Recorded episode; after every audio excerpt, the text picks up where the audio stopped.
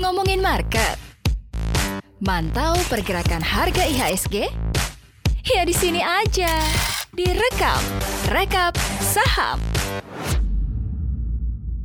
Halo Sobat Cuan, balik lagi bareng gua Daniel Wiguna di segmen kita di pagi hari ini adalah rekam atau rekap saham. Seperti biasa, satu jam sebelum perdagangan dibuka, kita akan update ke kamu bagaimana pergerakan indeks harga saham gabungan kemarin saat ditutup dan kurang lebih sentimen apa nih ya yang menggerakkan pasar di sepanjang hari kemarin dan juga apa nih yang bakal diperhatiin kurang lebih ya oleh para sobat cuan, para investor kita di sepanjang hari ini nanti kalau pasarnya udah dibuka di jam 9. Kita mulai seperti biasa dari update pergerakan indeks harga saham gabungan saat ditutup kemarin.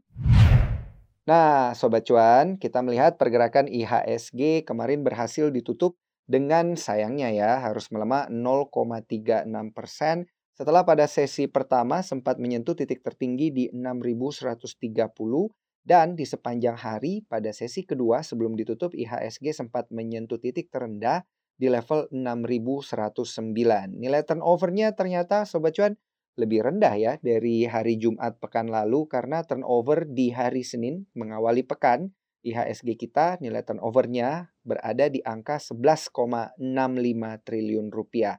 Terpantau juga ini masih pada net foreign buy nih para investor asingnya untuk pasar reguler kita sebesar 312,3 miliar rupiah. Sepertinya investor asing masih memburu ya banyak emiten-emiten yang berada di dalam indeks harga saham gabungan kita karena terpantau masih net foreign buy ini.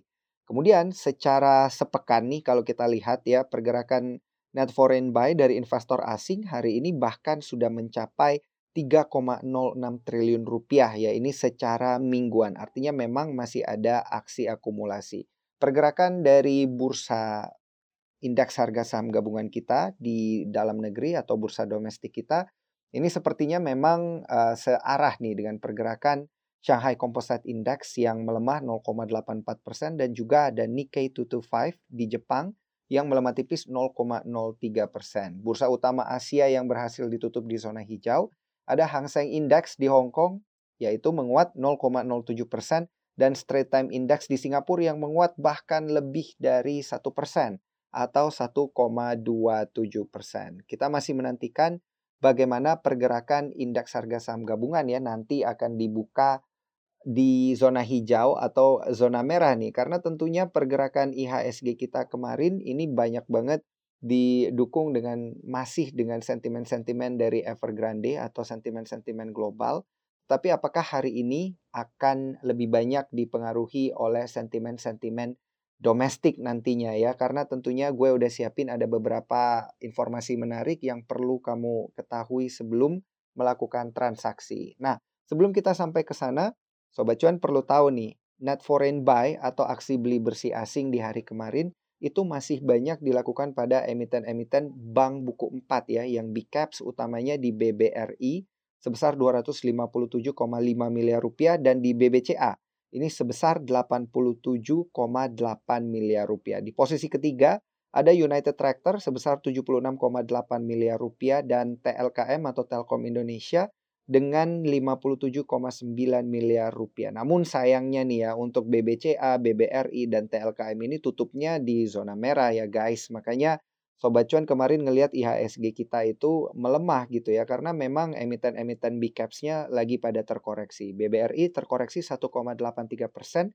Telkom juga terkoreksi 1,12 persen. Nah, dari net foreign buy kita lihat daftar net foreign sell yang paling banyak dilepaskan oleh para investor ternyata ada pada emiten BABP atau Bank MNC Internasional TBK sebesar 56 miliar rupiah. Dilanjutkan dengan bank big caps kita yaitu BMRI atau Bank Mandiri dengan pelemahan atau dilepas oleh investor asing 54,6 miliar rupiah dan melemah 1,26 persen. Unilever Indonesia masih dilepasin oleh investor asing ya Sobat Cuan sebanyak 36,1 miliar rupiah dengan pelemahan 2,77 persen dan di posisi keempat ada Linknet TBK dengan kode emitennya Link yang dilepas investor asing 16,6 miliar rupiah dan terkoreksi pada rentang auto reject bawah ya atau 6,84 persen. Nah sekarang ayo kita lihat ya bagaimana sentimen-sentimen atau ada sentimen apa aja nih yang udah gue kumpulin dan perlu banget buat kalian perhatiin sebelum perdagangan dibuka di sepanjang hari ini. Yang pertama, kita lihat dari informasi yang sudah dirilis juga di cnbcindonesia.com. Ini terkait dengan abaikan shutdown. Dow Futures menguat 94 poin pada perdagangan pada hari kemarin ya, pada pembukaan perdagangan di Amerika Serikat hari kemarin. Nah, informasi yang terkait dengan hal ini yang perlu diperhatikan adalah Ketua DPR Amerika Serikat Nancy Pelosi pada minggu kemarin itu mengatakan bahwa proposal infrastruktur bipartisan yang disponsori kedua partai di Amerika Serikat senilai 1 triliun dolar Amerika Serikat akan disahkan di pekan ini. Kongres harus meloloskan budget tambahan akhir September untuk menghindari shutdown. Nah, ini ya yang ditakutin oleh para investor-investor global dan akhirnya nanti bisa berdampak ke pasar domestik kita. Karena kalau kita lihat, Wall Street dikatakan memasuki pekan roller coaster di tengah keprihatinan seputar penyelesaian utang raksasa, utang raksasa properti China, Evergrande hingga sinyal Bank Sentral Amerika Serikat atau the Federal Reserve mengenai pengurangan stimulus moneter dan aksi Beijing yang menggasak mata uang kripto. Indeks Dow Jones di pekan lalu juga dikatakan menguat 0,6 persen. Ini menghentikan koreksi mingguan tiga kali berturut-turut dan juga indeks S&P menguat 0,5 persen, sedangkan Nasdaq tumbuh 0,02 persen.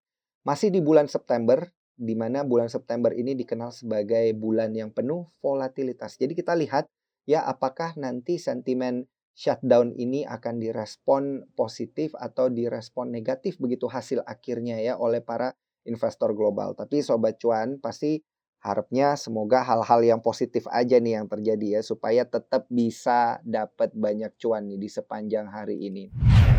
Kita lihat dari domestik nih, dari pasar domestik ada informasi yang sudah dirilis juga dari cnbcindonesia.com terkait dengan Adaro Energy yang mau buyback saham sebanyak 4 triliun rupiah. Ini adalah aksi buyback yang bisa dikatakan jumbo juga ya, 4 triliun rupiah Sobat Cuan. Nah, informasinya adalah emiten pertambangan batu bara PT Adaro Energi Tbk dengan kode emiten ADRO ini berencana melakukan pembelian kembali saham perseroan atau buyback sebanyak 4 triliun di mana perseroan akan menggunakan dana dari kas internal untuk pembelian kembali saham ini. Berdasarkan keterbukaan informasi yang disampaikan manajemen Adaro, Pelaksanaan buyback saham ini tidak akan melebihi 20% dari modal disetor dan tetap menjaga jumlah saham beredar di publik atau free float sebesar 7,5% berdasarkan peraturan dari OJK. Nah, ini juga ada informasi tambahan ya dari manajemen Adaro yang mengatakan bahwa pembelian kembali saham perseroan ini akan dilakukan secara bertahap dalam periode 3 bulan terhitung sejak tanggal keterbukaan informasi ini atau 27 September sampai dengan 26 Desember 2021. Jadi Sobat Cuan dinantikan ya emiten Adaro ini bagaimana pergerakannya nanti ketika pasar dibuka. Apakah hanya Adaro aja nih yang akan menguat atau mungkin bakal ada spillover effect begitu untuk emiten-emiten terkait dengan batu bara di sepanjang perdagangan hari ini. Karena kan kita ingat ya masih dalam era komoditi super cycle nih kita nih di tahun 2021. Apakah emiten-emiten yang pergerakan harganya masih lagging ini juga nanti bisa catching up gitu ya.